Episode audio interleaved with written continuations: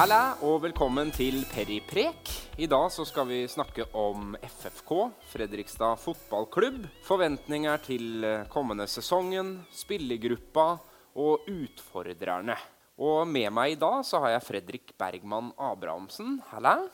Halla, takk for at jeg fikk lov å komme til deg. Koselig. Ja, og du er jo ekte FFK-supporter, må vi kunne si. Ja, det vil jeg vel absolutt påstå. Jeg vil tro at jeg ser mer FFK enn de fleste, i hvert fall. Det tror jeg òg. du har fulgt med lenge, og du følger med tett. Du er på treningskamper, du er på treningene deres, du snakker med guttene. Eh, jeg tror sånn, For å si det på en sånn flåsete måte, så tror jeg kanskje at det er jeg som har vært på flest FFK-treninger utenom Ludvig Begby, Filip Westgård og kanskje Håvard Aasheim og Håvard Jensen de siste åtte åra. Ja, og vi kan jo bare gå rett på sak. Hva er forventningene til den sesongen vi står overfor nå?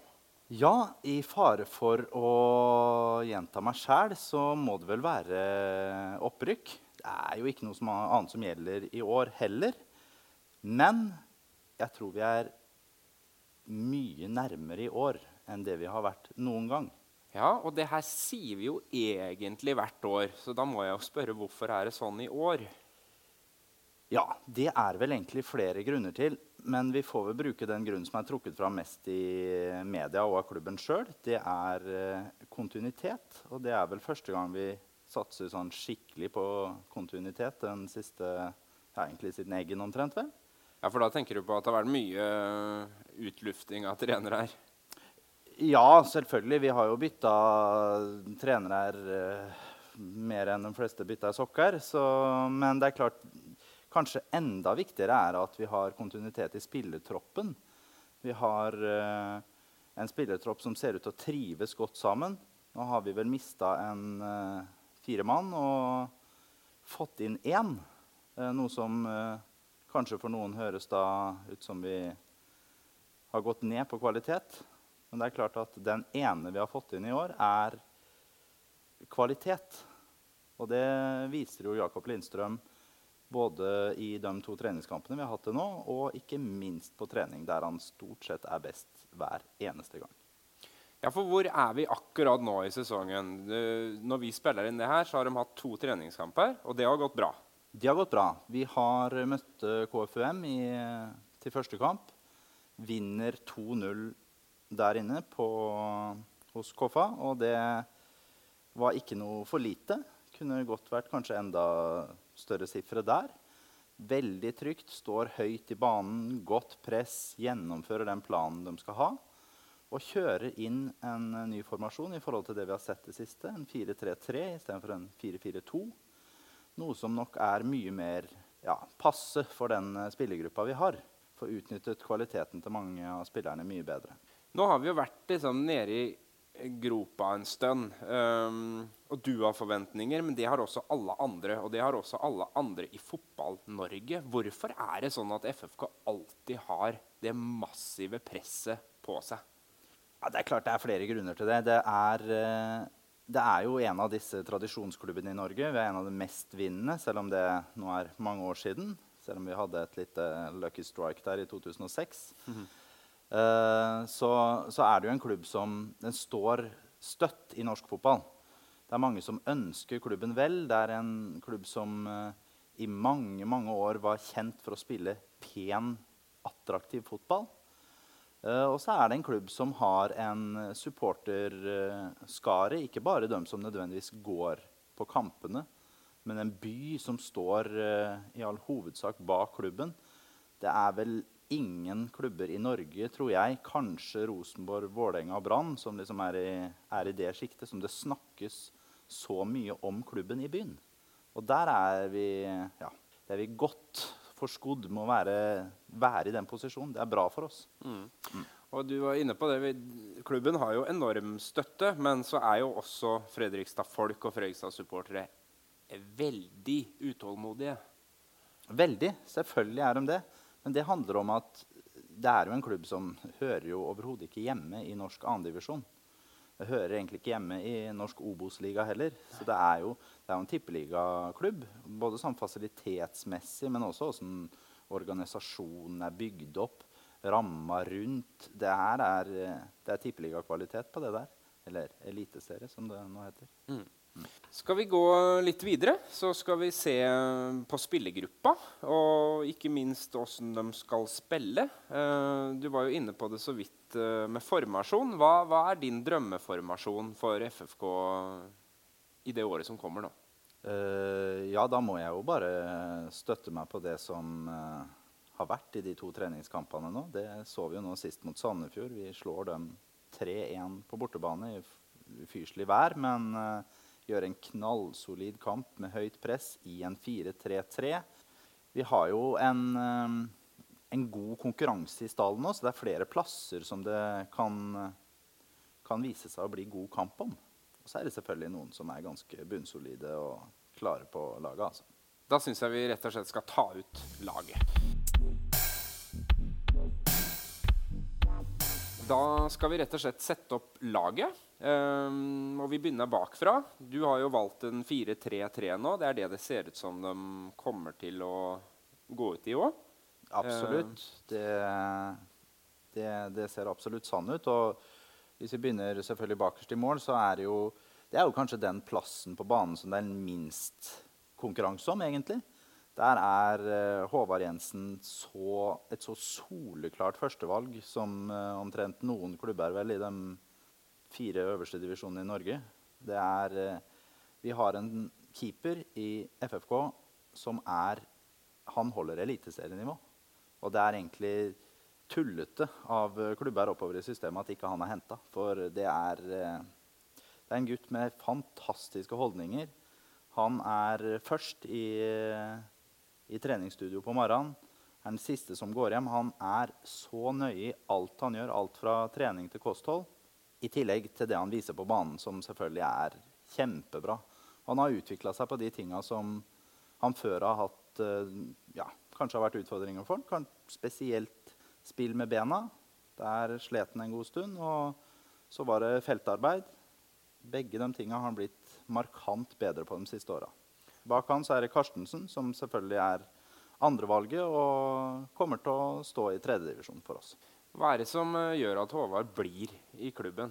Du sier han kan bli nesten henta av hvem som helst. Ja, det er klart at det er, flere, det er flere grunner til at Håvard blir. Han, øh, han, er nok veldig fornøyd med det sportslige opplegget som er i, er i Fredrikstad. Han har et godt samarbeid med, med Samuel Dirkir, keepertrener. Og har også dame her i byen. det hjelper jo. Det hjelper. Har akkurat kjøpt seg hus på Kråkerøy så er jo en, blitt en etablert mann her. Uh, og så er det selvfølgelig det at han har jo nå kontrakt i den sesongen her, pluss ett år til med Fredrikstad. Skulle det komme en klubb og kjøpe den ut Ja, Fredrikstad hadde nok krevd mer enn bare noe lommerusk. Mm.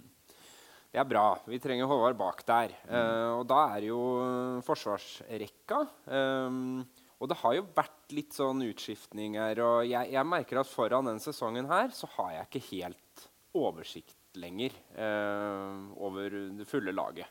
Så kan ikke du ta oss gjennom det som vil være ditt oppsett av forsvarsrekka? Ja, selvfølgelig veldig tullete av deg å ikke ha oversikt over det, men uh, det kan vi jo ta sånn kjapt. Høyrebekken kommer til å bli bekledd av uh, Filip Haukeland. Filip Haukeland er uh, en spiller som han er vel fortsatt 21 år. Kom fra Fram Larvik forrige sesong. Er relativt høy til å, være, til å spille på høyrebekken. Kan være et um, kort for oss på offensiv dødball i tillegg til defensiv dødball. Uh, og så har han uh, selvfølgelig en vei å gå i det offensive spillet. Kan være flinkere til å tørre enda mer og komme opp langs høyresida. Og det er vi også nødt til når vi skal spille i den formasjonen som vi har tenkt å spille i nå ingen sånn soleklare utfordrere til Filip Haukeland per dags dato. Det var altså høyrebekken. Høyrebekken. Ja. venstrebekk er jo Ludde Begby. Mm. Han kommer til å bekle den venstrebekken. Nå har han vært skada i starten av sesongen. Skada og skada. Han har man tar det rolig med. Gjøre forsiktig, og det tror jeg er smart. Nå spilte han omtrent hele fjorårssesongen småskada. Nå får han tid til å bli ordentlig rehabilitert, og Ludvig kommer vi nok til å få se fra en enda bedre side når vi spiller den formasjonen, og han kan komme enda høyere i banen. Nå er det jo Stian Stree Molde som har bekledd den venstre bekken de siste kampene. Han gjør det på en OK måte. Tipper at han kommer til å være backupen der gjennom sesongen. Men han er absolutt best som midtstopper. Ja, han ble også henta inn som midtstopper i utgangspunktet. Ja, ja, spilte hele fjorårssesongen som midtstopper, og det kommer han til å gjøre denne sesongen her òg. Han kommer til, å, kommer til, å, spille i midtforsvaret bak der. Eh, en spillende god midtstopper som faktisk kan, eh, kan dra en mann. Flink i pasningsspillet. God, seriøs eh, gutt som er inne i kapteinsteamet til klubben. Ved siden av seg der så kommer han til å få Mats Nilsen dansk dynamitt. Vi trenger eh, den duellkrafta som eh, Mats Nilsen bringer til enhver kamp. Han har jo selvfølgelig sine utfordringer, han òg.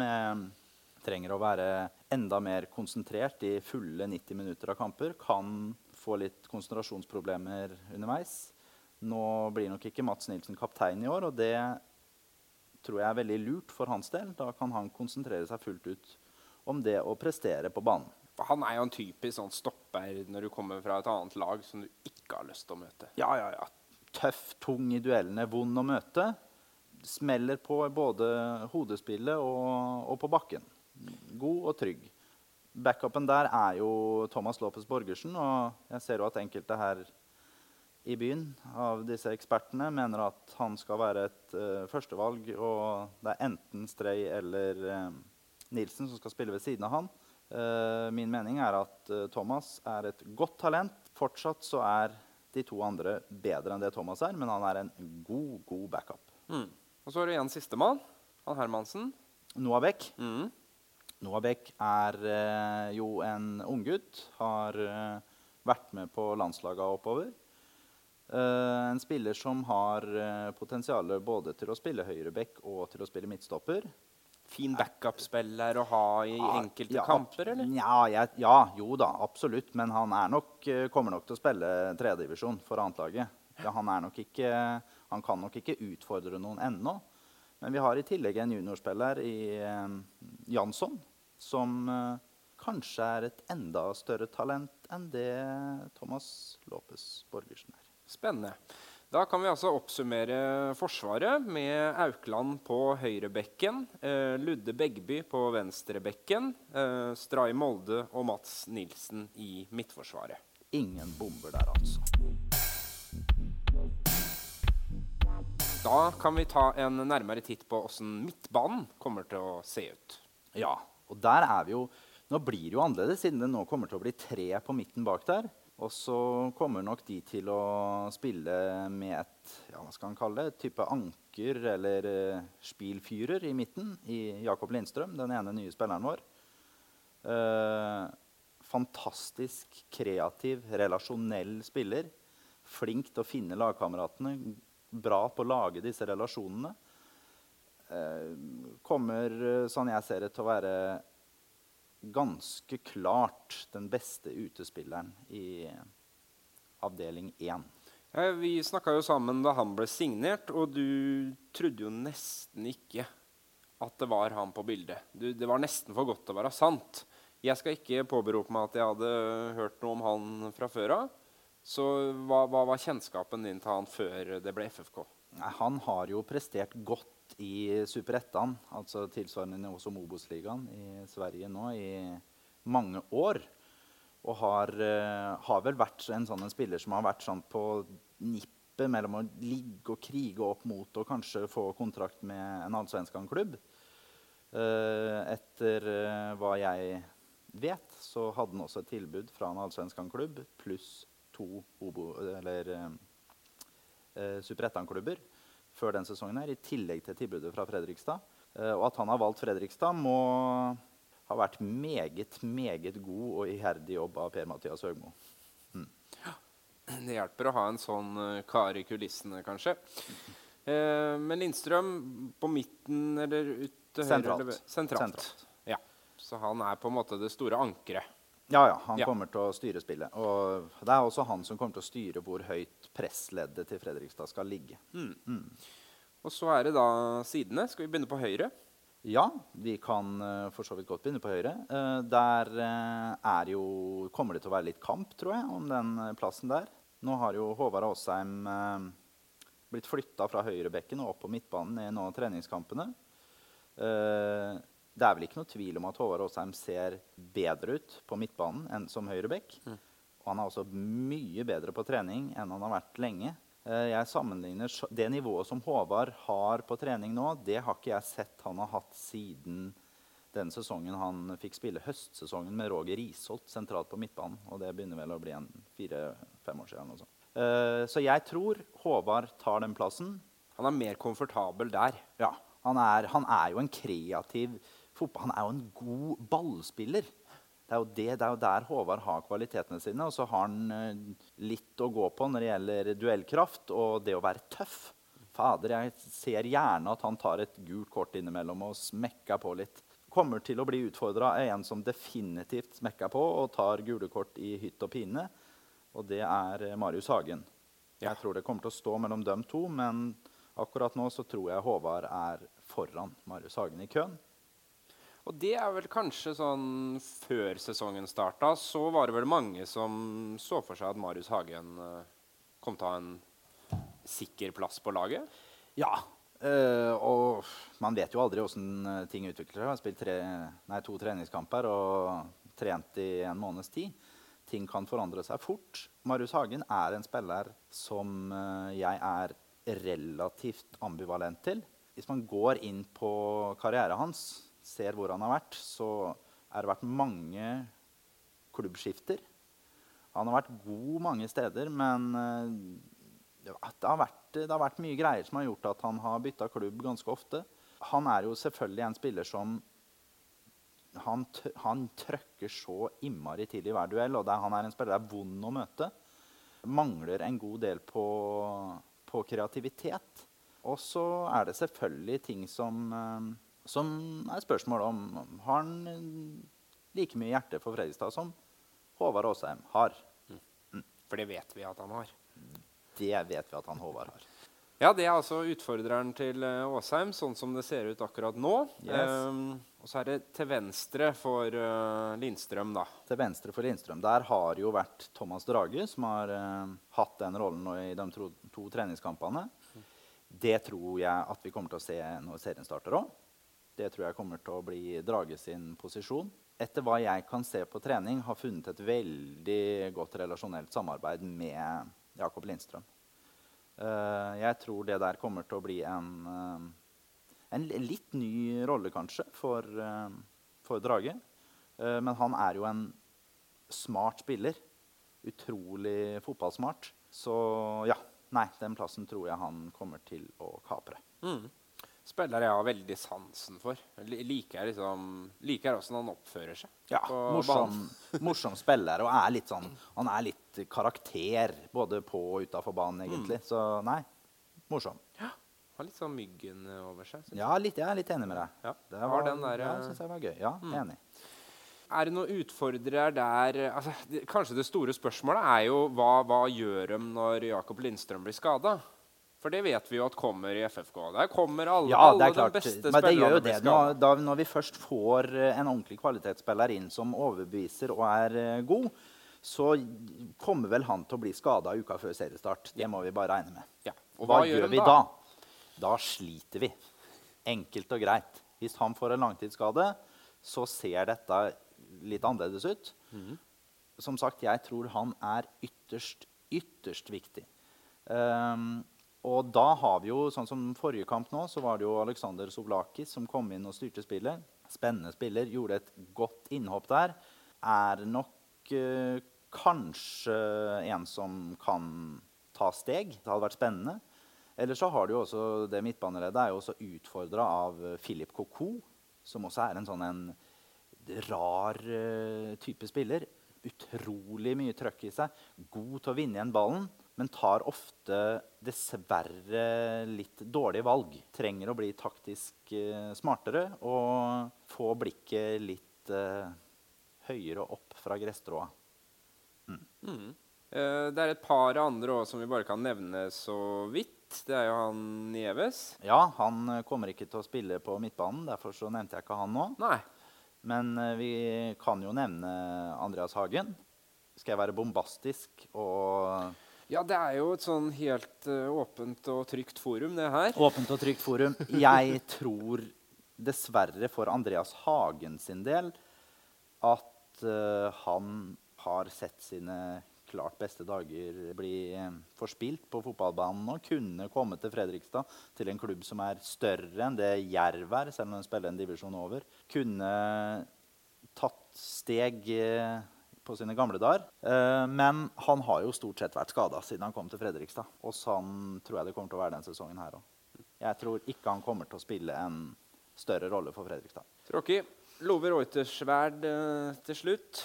Ja, Love heller er eh, ikke en som kommer til å spille i det leddet der. Så han må vi ta med litt høyere opp i banen. Ja, ok. Skal vi gå rett på angrepsrekka, ja, skal vi ikke gjøre det? Ja. ja. La oss gjøre det. Det er jo der det ofte har uh, skorta litt. Eller Fredrikstad-folk vil jo ha flott fotball, mye mål, høyt tempo. Uh, men det har ikke alltid rent inn. Nei, det kommer det til å gjøre i år. Gjør det det? Skåra for lite mål de to siste åra, ikke noe tvil om det. Kommer til å skåre mye mål i år hvis vi fortsetter å tørre å stå så høyt som vi har gjort nå i treningskampene. Nå har vi møtt motstandere som har vært bedre enn oss. Altså mye bedre lag enn det vi kommer til å møte i ligaen. Og det er ikke nødvendigvis bra, for da de, altså både KFUM og Sandefjord nå etterlater seg mye mer rom fordi de står høyere i banen. Uh, vi kommer til å møte lag som legger seg mye mer bakpå mot Fredrikstad. Men hvis vi tør å stå så høyt som vi gjør, så kommer vi til å skåre mye mål. For vi kommer til å skape enormt mange mange sjanser. Kanskje at vi kommer til å slippe inn noe mer av å stå sånn. Men for meg så er det mer lukrativt å vinne 4-1 enn 1-0. Så det skal være sånn Liverpool-fotball nå, altså borte på stadion? Ja, det er jo en klubb som vi ikke snakker så høyt om akkurat det der, men uh, Men de skårer i hvert fall mye de mål? Mye mål. Og det må vi kunne si. det er uh, Liverpool i det presspillet de har i laget sitt. Hvis vi klarer å etterstrebe å spille med et sant type press, så skal dette her gå rett så bra. Ja, og du vil ha tre stykken på toppen. Ja, Det er ikke bare jeg som vil det. Det vil både Bjørn Johansen, Joakim Klebu og Per-Mathias Høgmo også. Så dere fire er enige der. Vi fire er veldig, veldig enig. Det er jo hyggelig. Ja. Eh, da regner jeg jo med at uh, Kjelsrud Johansen er en viktig brikke her. Kjelsrud Johansen er selvfølgelig en kjempeviktig brikke for Fredrikstad-laget. Han kommer til å være den, eh, den, spilleren som kan binde opp to forsvarsspillere. Kommer til å bli kjempeviktig, kommer til å skåre over 20 mål. Holder han seg skadefri, så blir han toppskårer i den avdelingen der. Uten tvil. Og hvem skal han ha til å hjelpe seg? Der er jo der er mest kamp om plassene. Eh, per nå så er det Nikolai Solberg som kommer til å bekle den ene eh, kantrollen, eller eh, hva du skal velge, den ene spissrollen på siden. Uh, han ser ut som en helt ny spiller. Fra i fjor du så han uh, er det lov å si, daffe litt rundt og se ganske misfornøyd og energiløs ut. Presterer på hver eneste trening. Skårer mye mål på trening. Har sett skarp ut i treningskampene. Han kommer til å få en ny vår i, i Fredrikstad-drakta. Tips kommer til å skåre over ti mål i år. Og nå tok jeg ikke helt av. Så da har vi, nei, jeg merka at du holdt igjen hadde, jeg hadde lyst til å si 15, men så Ja. ja. For da er vi oppe på 30 mål, i hvert fall. Ja, og det, det tror jeg vi får av de to. Ja, Det lover jo veldig godt. Ja. Sistemann eh, i denne angrepsrekka. Sistemann der, sånn jeg ser det nå, og hva jeg tror, er Ricky Alba. Han har, eh, han har mye kvaliteter. Har kanskje ikke fått så mye ut av karrieren sin til nå, ut fra hvilket talent han var. Men eh, jeg tror det at han kan prestere kjempebra nå, er en seriøs gutt. Han også en smart gutt. Det er, eh, det er også en spiller som jeg tror nødvendigvis er, Du har noen spillere som de må komme til sjanser. Du ser det på dem. De har, de har så mye kvaliteter at du, selv om de gjør en dårlig kamp, så må du komme til mye sjanser. For du har såpass mye fart og fysikk at det, du får mer av noe. Og lyst til å skåre mål. Lyst til å skåre mål. Han kommer til å, tror jeg, per nå i hvert fall, ta den siste plassen. Og da har du bak han så har du en Anas Farah. Ja, Er han tilbake nå, eller er han på lån, eller oh, ja, nei, nei, han er tilbake. Ja. Han har kontrakt ut denne sesongen her med Fredrikstad. Er eh, endelig vært skadefri over tid. Og da ser vi jo hvilken spiller han er. Han er teknisk kjempegod. Har um, noen utfordringer, syns jeg, i det rett og slett avslutningsegenskapene. Det er der, der må det gå enda mer. Og så er det selvfølgelig få seg enda litt mer muskler på kroppen, så, så har vi der et kjempetalent. Han er 19 år ennå, selv om vi har hørt om ham de siste sju åra. Liksom. Hadde ille vondt han når han uh, hadde vært ute med skade og kom tilbake og liksom fikk det ikke helt til, og så halta han av banen igjen ganske raskt etterpå. Ja, Vi har jo hatt i Fredrikstad, så etter Tariq, vi må liksom tiden etter Tariq, så har vi hatt uh, to fantastiske uh, type spiller som Tariq, som uh, egentlig har fått mye ødelagt. Den første var Simen Stander-Olen, som dessverre forsvant ut av fotballen med skader. og så er det Anas Farah. ingenting hadde vært mer gøy enn om han hadde lykkes i år. Ja. Og så har du jo flere spillere her. Du er vel enig i det? Ja, jeg er enig i det. Eh, jeg bare ble sittende og liksom mimre litt til det der løpet Stanerolen hadde i den ene kampen. Ja, hvor han rett og slett ja, var det, var... gikk fra midtbanen gjennom fire det har sikkert blitt fem og seks mann etter hvert som året har gått. Ja, men det var i hvert fall fire. Det var helt sykt. Han skåra vel to sånne mål? gjorde han ikke Det Det var ett mot Stabæk og ett mot Hønefoss. eller noe sånt, tror jeg. Det var jo litt sånn at når han fikk en løper, så tenkte du da bare lente du deg tilbake og nøt det som skulle komme. Ja, det er klart, jeg, Han har jo ikke prestert i så forferdelig mange kamper for Fredrikstad, men vi så jo noe som vi ikke ser så ofte på mm. Fredrikstad stadion. Det er altså en lokal gutt som tør. Og det er det som er problemet. Ikke sant? Håvard Aasheim. Fader, en god spiller. Han må tørre mer. Mm. Må trykke på mer. Fader heller. Ja, ja, er du skyldig et baklengs da, hvis du mister? Men hvis du prøver nok ganger, så kommer du til å skape sjanser. De er gode nok. Og så er det jo sånn fotball vi vil se i Fredrikstad. Det skal være ja. tæl, og det skal, du ja, skal fosse fram. Alle vil, alle vil det. Ikke, det der har ikke noe med Fredrikstad å gjøre. Alle vil se så god fotball. Ja, de preker høyere om det her, da. Ja, vi preker høyere om det her. Men det er, ja, det er selvfølgelig det vi ønsker å se, sånne typer som det der. Mm. Men vi må ja, vi, nevne, vi, vi, vi må nevne, no, må nevne, nevne resten til, av laget. For, for nå, nå, har du spikra Kjelsrud, eh, Solberg og Alba som førstevalget. Ja. Uh, men vi har, uh, har, jo flere utfordrere, som du sier. Ja, I den treeren i angrepsrekka der så har du Danas Farah, som vi akkurat snakka om. Og så har vi Michael Nieves en spiller som Ja, han er en som jobber knallbra for laget. Jobber i 90 minutter, løper blod og svette. Kjempe, kjempeinnsats hele veien. Håper at han kan få litt mer sluttprodukt, altså litt mer uh, assist og litt mer mål. Så har vi også en der som brått kan spille alle kampene i år. Altså. Så han kan plutselig ta en plass, han òg. Ja, Men da snakker vi litt sånn ut på vinga. Ja, det er, det er en av de plassene som Ricky Alba og Solberg har. Ja. Han kommer nok ikke til å spille inne på sentralt der. Men Den er nok uh, Hvis ikke Kjell, Kjell, Kjelsrud spiller der, så kommer nok det til å være Nikolai Solberg som blir skjøvet inn der, tenker jeg. Mm. Uh, og så har vi jo en uh, vår svenske venn, Love. Love Reutersverd. Han har jo vært uh, skada, ble operert på slutten av fjoråret. Er på vei tilbake. Eh, det er eh, sjelden jeg ser noen i opptrening på Fredrikstad fotballklubb som jobber så forbanna hardt på trening som han gjør om dagen. Han ser skarp ut. Og det er klart, der har vi jo den spilleren i troppen med mest X-faktor. Det, det, det, er ingen tvil. Ja, på hvilken måte da? Ekstremfart ekstrem fart. Jeg, det er ikke mange spillere i norsk fotball som er raskere enn det Love Reutersvær er. Selvfølgelig Med spillere med en sånn type muskulatur så er du kanskje litt mer utsatt for skader òg, Men det er også en spiller som brått Gjør han noen gode treningskamper nå? Han kan komme inn han og spille alle kampene. Men jeg tror som sagt vi, vi har veldig god dekning på de uh, offensive spillerne våre. Hvis vi skal si stallen hvor vi kanskje mangler ja, for er jo, spørsmålet er jo her uh, Vi er jo alltid positive før en sesong. Uh, men hva, hva, er svakhetene i denne stallen? Vi spiller i Post Nord-ligaen. Og da kan du vel si at uh, ut fra de andre lagene så har, så har, vi ikke noen svakheter. Det har vi ikke. vi er bedre enn de andre lagene på tilnærmet alle plassene. Enkelt og greit. Det er vi.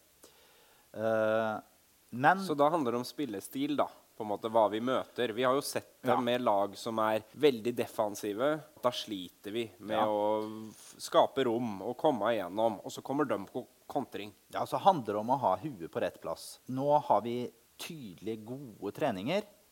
Så det handler om å ha den intensiteten hele tida. Eh, tåle et tap hvis vi skulle få et tap. tap. Tåle det, stå i det, gjennomføre en god treningsuke. Være på i de små tinga på trening òg. Jobbe på. Og der har vi jo hatt masse spillere innom, det kan vi sikkert snakke litt om etterpå, men som ikke har hatt de holdningene.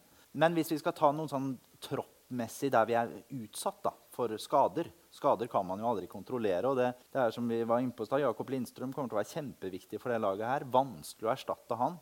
Eh, da håper jeg Håvard Aasheim har tatt nok steg i sin indreløperposisjon til til å kunne steppe opp der.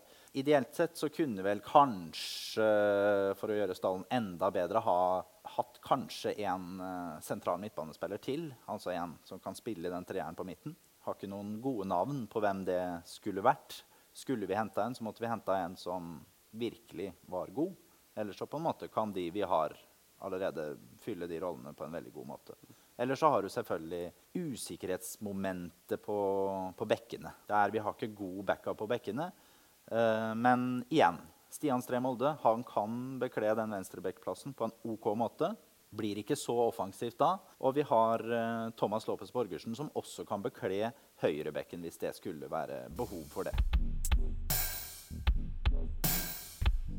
Vi må se litt grann bak uh, spillerne nå, på apparatet rundt. Ja, det. Eh, det gikk jo ikke sånn som vi håpa med, med det apparatet her. Først uh, Høgmo som trener, så Bummen inn som trener, og Høgmo skulle fungere i kulissene. Eh, noen har jo ment at han er for lite synlig, eh, at han burde gjort mer. Per, Eh, per Mathias. ja, Ja. andre syns det er riktig at Bummen skal få den plassen han trenger til å utvikle seg og være hovedtrener. Hva, hva mener du om det? Ja, jeg tror jo det er, det, er helt, det er helt nødvendig at ikke Per-Mathias er inne som en uh, hva skal han si, som en Thomas Berntsen i Sarpsborg, som, som krever såpass mye oppmerksomhet. Jeg tror eh, den rollen som Per-Mathias har i klubben, og folk har sagt at han ikke er synlig Nei, han er kanskje ikke så synlig, men det er fortsatt Bjørn som skal ta ut det laget. Det er han som skal forsvare laguttaket. Det er ikke Per-Mathias Høgmo. Jeg tror han er i den rollen han har nå, kjempeviktig for Fredrikstad til å tiltrekke seg spillere. Han er eh, pedagogen som står bak her, og så har pedagogen fått litt sånn pepper. Det skal jo helst ikke være pedagog i norsk fotball, da får man jo gjerne kjeft. Men jeg tror det er viktig. Ikke så litterær heller, kanskje. Det har vært litt mye dikt, litt mye følelser for uh, en del Ja, det er klart det er jo ting som har hengt ved han i mange år. Men uh, jeg tror Per-Mathias er en av de viktigste, om ikke den viktigste brikken i hele Fredrikstad anno 2020. Så Høgmo han sitter der og trekker i trådene. eh, men hva er det som gjør at du har trua på Bjørn Johansen som trener etter fjorårssesongen? Hvorfor skal det bli annerledes i år? Bjørn måtte helt klart gjøre noen grep, han. Han fikk eh, klare tilbakemeldinger eh, på det gjennom, gjennom evalueringa, både til spillergruppa og klubben generelt. Så han måtte ta grep. Men jeg tror det er ytterst viktig at vi beholder en kontinuitet. Og nå har vi også fått inn en sparringspartner til Bjørn Johansen i Joakim Klæbo, som er mye mer relasjonell kompatibel. Ja, hvem, hvem er han? Fortell litt om han. Joakim Klæbo er en som har eh, Han har jobba i Moss og han har jobba i Sarpsborg. Veldig godt uh, rykte i Sarpsborg. Så de tre siste åra har han vært assistenttrener under Christian Mikkelsen i Kristiansund. Han er en verbal nordlending, nordlending han òg, som er kjempegod på felt. Han krever 100 hele tida, eh, og han, han stopper spillet hvis det kommer nå en unødvendig tversoverpasning. Det er noe som Fredrikstad-publikummet kommer til å glede seg over. Eh, hvis det kommer en unødvendig tversoverpasning nå på feltet, altså der det er offensive alternativer, så stopper han spillet og gir klar beskjed om det. Han er, tror jeg kommer til å bli en svært viktig sparringspartner og en uh, som kan utfylle Bjørn på en veldig god måte i Fredrikstad, som ikke Casey Wehrmann kunne. Uh, det var et trenerteam i fjor som ikke samarbeida godt. Det var ikke noe vanskelig å se det. Jeg er jo stor motstander av trenere som er ute og spiller på øktene. Casey Wehrmann var mer spiller enn han var trener. etter hva jeg kunne savna se. å være på fotballbanen? Han savna å være på fotballbanen. Nei da, Casey er helt sikkert en, en super, superbra fyr og har masse pondus og har vært i klubben før og har eh, mye bra ved seg, han. Men uh, at Joakim Klebu passer bedre, det er jeg 100% sikker på. Og et par ord om Magnus Meling òg, før vi um, går videre. Ja, Magnus Meling er eh, jo en uh, fyr som uh, går litt sånn kanskje under radaren. Og fikk han jo litt oppmerksomhet i fjor. Vel fortjent. Tok opp det um, andre laget opp til tredjedivisjon. Han er en viktig brikke både, um, både, bak, tror jeg, for juniorgruppa og for de spillerne som er oppe og nikker, nesten er oppe hos A-laget. tror Han er kjempeviktig både som samtalepartner og på feltet. Han er god i analysearbeidet og er en, en av disse viktige brikkene i, eh, i eh, Fredrikstad-systemet. Viktig å få med han videre. Men så er det jo noen som sitter enda høyere opp, da. Som det alltid er mye prek om i FFK. Styret er jo én ting, men daglig leder Joakim Heier har gått igjennom en, en tøff, tøff, start. tøff start, ja nedrykk og så to sesonger uten opprykk fra andredivisjon. Ikke bare bare? Ikke bare bare. At det har gått sportslig ja, hva skal en si, ikke som vi hadde ønsket, det er ikke Joakim Heier sin skyld. Uh, Joakim Heier har gjort en fantastisk innsats på å få klubben på kjøl. Og få, få vi, vi har en sunn, trygg økonomi. Og vi har en klubb som blir mer og mer godt ansett hos uh, samarbeidspartnerne. Det er en klubb som det er uh, fint å nå kunne være med på laget hos. Og det er noe vi har savna en stund. Det er ordentlig og ryddige former. Og Det opplever folk nå. Ja, Joakim Heier syns jo ikke så godt. Han er jo ikke den som promoterer eget tryne. Uh, men det er kanskje det Fredrikstad trenger. Det, det, er mange som mener at det var nok av folk som har stukket fram trynet tidligere. Så det er kanskje greit å prøve noen som er litt mer tilbakelente. Absolutt. Det har vært mye, mye, flinke folk som vil det beste for Fredrikstad. Men uh, det er jo ikke alle som har uh, lykkes, og det er det flere grunner til. Mm. Har vi tatt for oss laget, vi har sett på spillergruppa og det øvrige apparatet.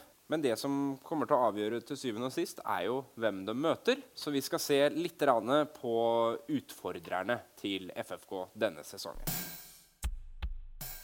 Jeg tror uh, våre to største utfordrere om uh, direkte opprykk kommer til å være Skeid, som har rykka ned fra Obos-ligaen. Uh, fortsatt et bra lag. Mista Nunes, som er en viktig, eller var en viktig spiller for dem. Kan selvfølgelig få en god sesong. Uh, men Fredrikstad skal være mye bedre. Den spydspissen deres er uh, Jonny Per Budusson, som vi har litt kjennskap til her ja. i klubben. Han fikk vel noen kamper. Han hadde aldri plassa på Fredrikstad i dag. Den andre som jeg tror kommer til å være helt der oppe, er heller ikke noe sånn bombe. Det tror jeg kommer til å være Kjelsås. Oslo-lag med en god sånn kameratgjengstamme i laget sitt. Kommer til å ta mye trepoengere, de. Kan bli farlig. Har mista noen spillere. Det har uh, Ja, men de, de, hadde også noen skader mot slutten i fjor. Og ja, det er noen usikre kort der. Eh, blant annet også en gammel Fredrikstad-gutt, Rino Falk Larsen. Som også ikke klarer ja, å komme riktig. helt tilbake, men han er jo en kvalitetsspiller. Og får vi i gang han, så har de et godt S i ermet der. Og så er det selvfølgelig så kan vi jo ta med lag som Tromsdalen. Røkka klart uh, ned fra Obos-ligaen forrige sesong. Har jo uh, der òg mista mange spillere. Det er rot i økonomien. Det er en klubb som uh, bygges ned eller bygges den opp. Det er vel litt sånn mm. definisjonsspørsmål. Uh, tror ikke de kommer til å være helt oppi der, men det er klart de har røkka ned. De er det er vanskelig å møte dem i Tromsdalen. Så de tror jeg kommer til å ta mye poeng hjemme, ikke så mye poeng borte. Så har du lag som Alta. Noen gode spillere på det Alta-laget òg, men uh, tror jeg heller ikke kommer til å være stabile nok til å kunne være med der oppe. Samme er det med Hødd. Det er også et lag som uh, kommer til å ta en del poeng, men kanskje ikke nødvendigvis være helt der oppe. Hvor sikker er du på opprykka? Det, det høres ut som uh... ja, Jeg hører jo det når jeg snakker, jeg òg, at det er Jeg snakker meg tryggere og tryggere på opprykk. Veldig trygg nå. Veldig trygg på opprykk. Uh, jeg var uh, Hadde troa første sesongen, altså i andredivisjon under Per Mathias. Hadde troa på det. Uh, litt mer usikker i andre sesong. Da så jeg at det var noen lag der som kunne være gode utfordrere med oss. Eh, jeg har aldri vært så trygg i løpet av de tre åra som jeg er nå. Fredrikstad er i den klart dårligste avdelingen. Én uh, ting er jo dem som er utfordrere, Fredrik. Men, men, hvilket lag blir vanskeligst å spille mot? Da tenker jeg den derre Jeg syns det er så ofte at vi møter lag som vi skal slå. Men pga. at de ligger lavt eller har en eller annen taktikk, så tar de oss på det. Ja, Da får vi vel si at det verste laget for Fredrikstad møte i år, det blir Fløya på hjemmebane. Fløya er det er en klubb som eh, den ligger med brukket rygg. Det er vel omtrent det er usikkert om de kommer til å stille i avdelingen. Uh, der er det krig på alle fronter. Der er det styre mot uh, spillertropp, og det er, det er et ordentlig enmannsshow der oppe. Uh, men vi får vel si at de blir de farligste, da, for de kommer til å ligge med alle mann innpå femmeteren og krige. krige inni der. Uh, så for å si det på en tullete måte, da, så er det jo kanskje de dårligste lagene som eh, er de vanskeligste å spille mot for mm. oss. Mm. bare litt, litt, tilbake til, til spillestallen. Det har kommet én inn. Ja. og det har gått en del ut. Mm. Um, og så kan man diskutere om det var riktig eller galt med, med, mange av dem. Ja, det er jo klart at De som går, de som går ut der uh, Jona Weteli, kvalitetsspiller, kjempegod. Finsk. Spørsmålet der er fikk han ut alle kvalitetene sine i Fredrikstad. Var Jona Vetle egentlig fornøyd med å spille i norsk andredivisjon? Nei. jeg svarer der. Han var ikke det. Han var vel egentlig hele tida litt misfornøyd. En god spiller, men var hele tida liksom, han var ikke fornøyd med å være der han er. Og da klarer du ikke å ta ut de siste prosentene vi visste han hadde inne. Ellers er det Oskar Lopez Borgersen, storebror Borgersen, som er borte. Han har også signert for Kvikkhalden. Uh, Oskar er en helt fantastisk suverent bra fyr. Jeg skulle gjerne hatt Oskar i Fredrikstad som uh, juniortrener. Liksom, inni støtteapparat. Ja. Sånn. Han, har vært god. han er en uh, utrolig bra fyr. Uh, og fotballfaglig sånn, flink. Eh, men var veldig langt unna plasser på laget. Og så er det selvfølgelig Team Nilsen, som det har vært mye hyling og skriking om hvorfor ikke toppskåreren ja, har fått ny kontrakt. Det så jeg jo eh, med en gang på forum og i avisa og overalt, at folk var i harnisk over at den eneste som scora mål på FFK, nå forsvinner. Ja. Eh, men stemmer det? At den eneste forsvinner. ja, var, altså, var den den eneste ja. som skårte? Nei, På høsten der så skårte jo Kjell skåra vel eh, 13 mål, han òg. Så um, han var definitivt ikke den eneste som skåra, men han har jo skåra litt mål de siste åra. Uh, og da er det lett å se seg Nå høres det jo tydelig hva jeg syns. Uh, det er lett å se seg blind på en spiller som har skåra en del mål. Uh, Team Nilsen har også brent utrolig mye sjanser. Og jeg tror ikke det er et stort tap spill, altså ute i elveren for Fredrikstad at han er borte. Jeg tror ikke det er et tap i det hele tatt. Og så er det sånn at en spiller skal fungere i en spillertropp.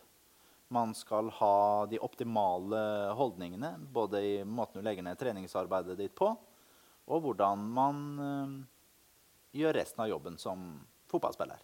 Uh, jeg tror uh, Team Nilsen har en vei å gå på enkelte ting. Eh, er jo en artig fyr. Eh, men jeg tror det er helt greit at ikke Tim Nilsen er med videre, og ønsker han eh, lykke til i Nord-Irland. Da får vi takke for de måla han faktisk satt. da. Og så, absolutt, absolutt. Og så kan han... vi glemme de sjansene han bomma på nå, for nå Nå beveger vi oss videre. Nå beveger vi oss videre. Men, det- men, men hva er vi, trenger vi å få inn noe? Nei. Trenger vi mer? Nei ja, det er, vi, snar, vi trenger ikke å få inn noen Bortsett fra midtbanespiller. midtbane og en backup på bekkene. Det er jo liksom sånn ideelle løsningen. Men jeg, eh, glem backplassen. Hadde vi kommet over en eller annen sånn en gullkalv på midten der, så ja, takker vi ja til det. Men uh, ikke noe must. Men du går jo alltid med litt av liste i lomma du over spillere du gjerne skulle sett på FFK som er realistiske. Um, du var overraska over at svensken kom. kom.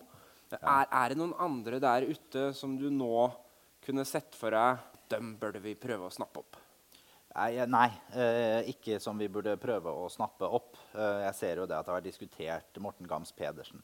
Han er 38 år, hadde, har fortsatt masse kvaliteter. Så han hadde vært en selvfølgelig fin fyr og fått inn i troppen og alt dette her. Men spørsmålet er da om vi skal, skulle godt lagt ned masse penger for en 38-åring. Mm. svaret er vel nja.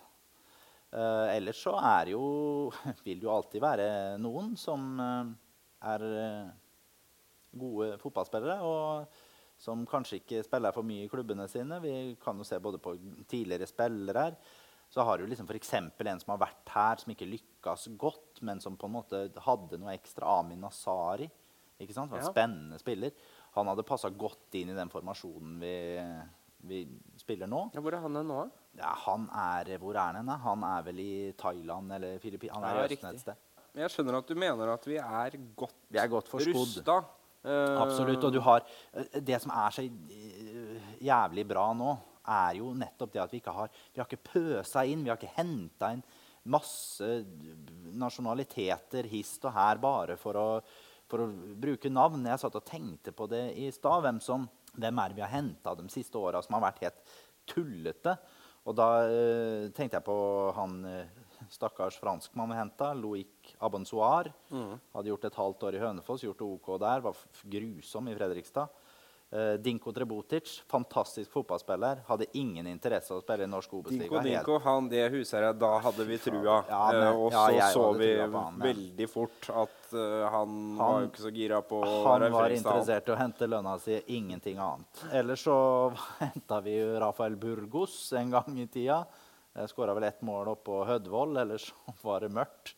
Eh, ellers så var det Jarko Ladenmeki, Rasa Knuhu, Mustafa Endaye, Mikko Wittiko Alle disse her som er utlendinger som på en måte ja, det, er, det er dårlig scoutingarbeid. Det er spillere som de var, ikke, de var ikke i nærheten. Ikke i nærheten. Og så har vi også henta noen, noen eh, norske som har vært eh, på nedtur, må det være definitivt lov å si, på Mm. de siste året. Steffen Nystrøm henta vi, ikke sant? Er en spiller som eh, presterte null og niks i Fredrikstad. og Det kunne vi sagt lenge før han signerte. Men så har vi jo sett det andre veien òg, da. Folk som ikke blomstra i Fredrikstad, men som har gjort det kjempebra i andre klubber. Ja da. Det, Hvorfor er det sånn? Det, det, det, det, er liksom, det syns jeg Ja. er det verste. Når jeg ser uh... ja, er, ja, jeg er helt enig med deg. Det er jo selvfølgelig eh, forferdelig å se på det. Spesielt når de går til Sarpsborg. Spesielt når de går til Sarpsborg. Heldigvis er det lenge siden jeg har sett noen overganger den veien der nå. da, Så nå har de vært uh, en del bedre også enn noen år. Uh, men det er klart, vi har, vi har mye av det opp gjennom historien. Og vi, vi, har, vi har noe nå i nyere historie òg, spesielt kanskje da med Chibe i fjor. ikke sant? Han fikk ikke spille noe særlig i Fredrikstad. Går til Kvikk og plutselig blir tippeligaaktuell.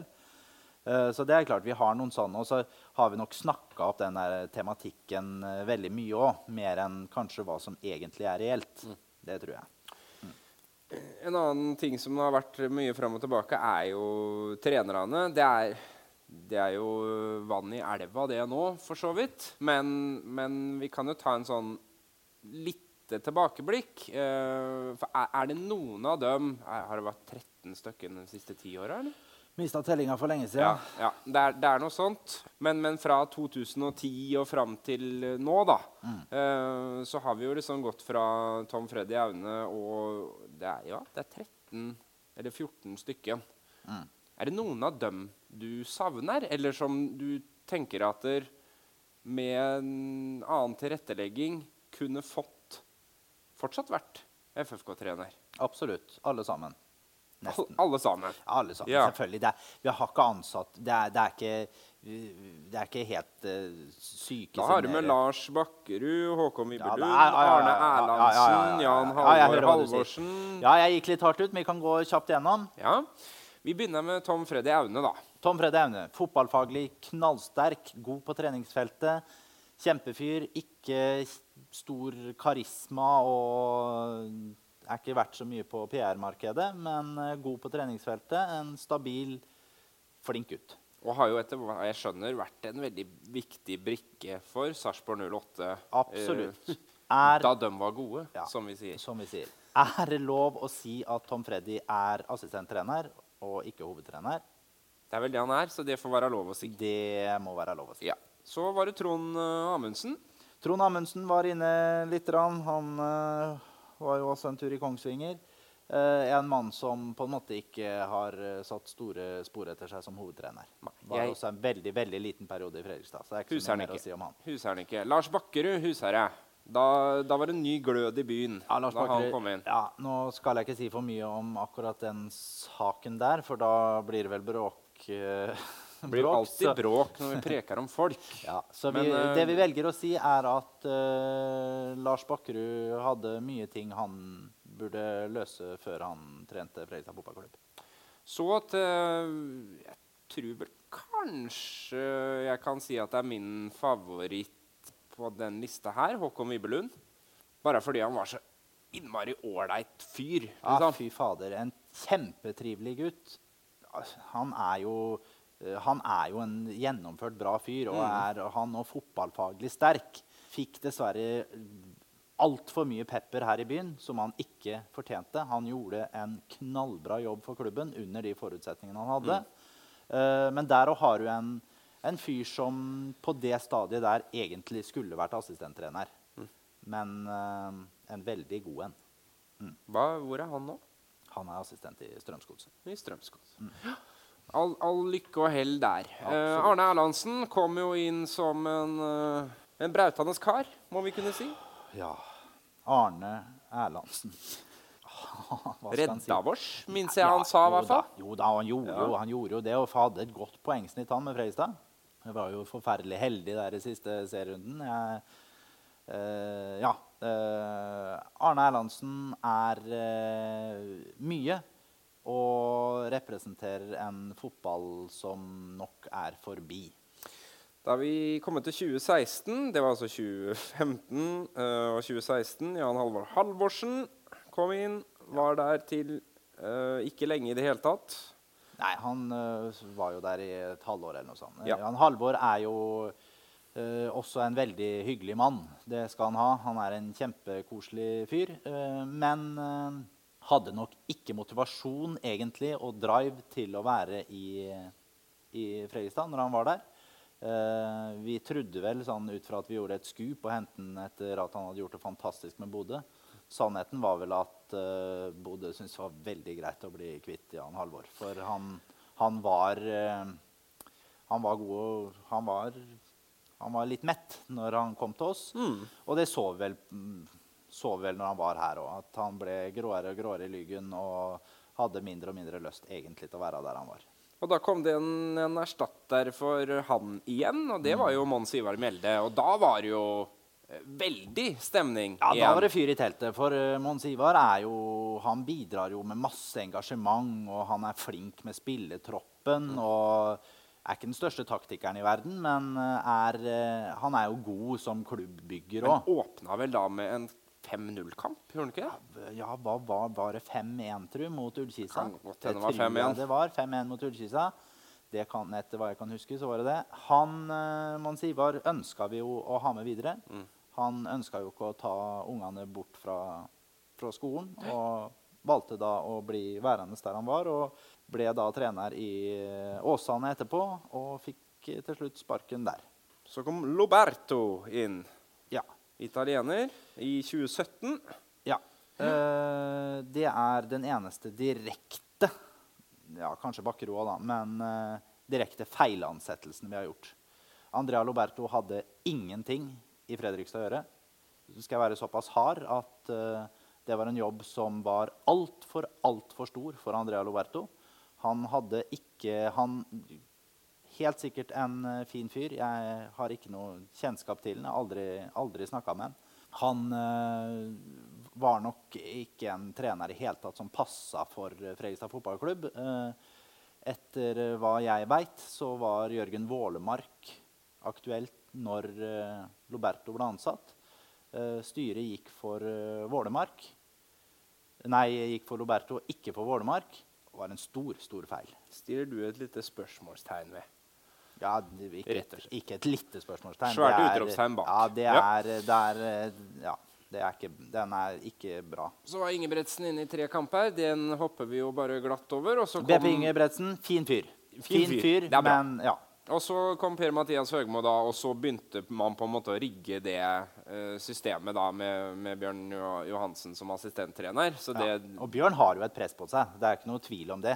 Bjørn har et press på seg, men det har, det har jo hele organisasjonen, og det har Fredrikstad hele tida. Vi må slutte å snakke som om det, det, er noe nytt. Ja, og så tipper det veldig opp. og det, Ta, ta Mons Ivar Mjelde som eksempel. Da, når han kom mm. inn og vant den kampen på den måten, så gikk jo alle hjem den kvelden og tenkte at ja, nå vinner vi resten av kampene resten av sesongen. Ikke noe problem. Men så tapte vi vel også 7-1? Absolutt. Absolutt. Hjemmekamp det, mot Ranheim. Robert ja, ja. Stene, fire mål. Mm. Ja, ja, og da gikk vi hjem og tenkte at nå kan vi bare selge og ja, legge ned og konke hele klubben. Ja, ja, ja, da må vi spille på Kråkerødbanen igjen. Og sånn. Og vi har jo hatt noen katastrofetanker, og vi har jo hatt noen redningsaksjoner og sånn opp igjennom, så kanskje vi skal være helt greit fornøyd med å være der vi er. Og nå er vi en eh, svært god posisjon for å gjøre en veldig bra sesong. Selvfølgelig så handler jo Fotball er jo mye mer eh, oppi huet enn det folk tror. Folk tenker jo at det er ja, bena, La bena snakke, guttene må la bena snakke for seg. Blø for drakta, ja, blø det hører jeg mange Framover på banen! Akkurat det er jeg enig med deg ja, ja, litt enig med deg. Det vært, ja, det har vært mye tversoverpasninger de siste åra. Men uh, det er klart noen ganger så må man ta en tversoverpasning, og man må ta en støttepasning òg. Men det handler om at guttene må ha huet på rett sted. De må tåle å gå på en uavgjort eh, hjemme mot eh, et eller annet eh, rælete lag. Eidsvoll, liksom. Der får vi uavgjort der. Vi kan ikke si at å, her, nå, er det liksom, nå er det akkurat samme igjen. Man må tåle det. Man må stå i det. Og der er det de lokale guttene som må ta ansvar. Håvard Aasheim, fader, nå, ta og stikk fram brystkassa. Vis at du er den kvalitetsspilleren du er på trening. Det må du vise i kamp. Han har alle muligheter til å bli en spiller som ikke bare er en Post Nord-spiller. Han kan være Obo-spiller. Han kan ta, kan, kan ta, steget opp mot eliteseriespiller Håvard Aasheim hvis han får ballene på plass. Håvard for president hører jeg liksom runger utover. Ja, ja, nei, men du vet åssen det er. Ja, ja. Han er ikke sant, Der ser du Håvard Jensen har nå han har tatt de grepa. Lokal gutt. Tatt de grepa. Han er kanskje ikke verdens mest naturlige for han å være verbal på banen. Men nå, det er også noe du ser Håvard jobbe med. Han gir de beskjedene. Viktig. Kjempebra. Og der har jo nå at vi vi må jo ha disse lederfigurene i laget. Nå blir det jo, er jo ikke sagt hvem som blir kaptein ennå.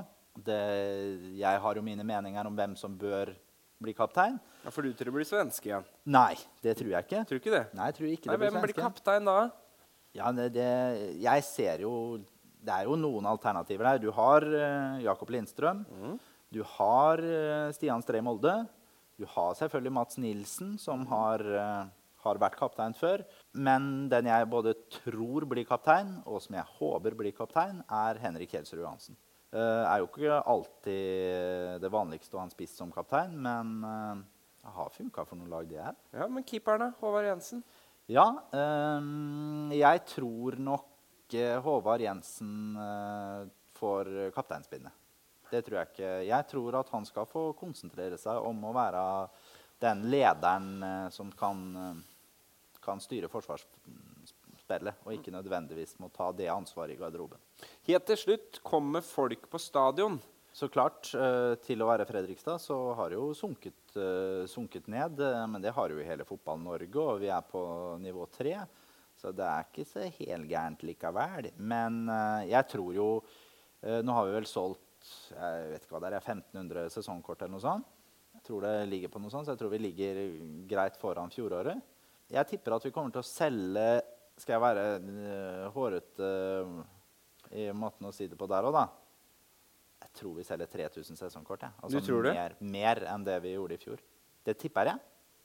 Det hadde vært veldig moro.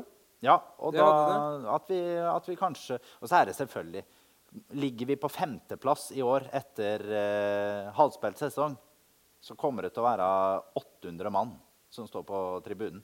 Kanskje ikke det engang. Ligger vi på førsteplass, åtte poeng foran, så har vi Det er fullt. 6000-7000. Ja.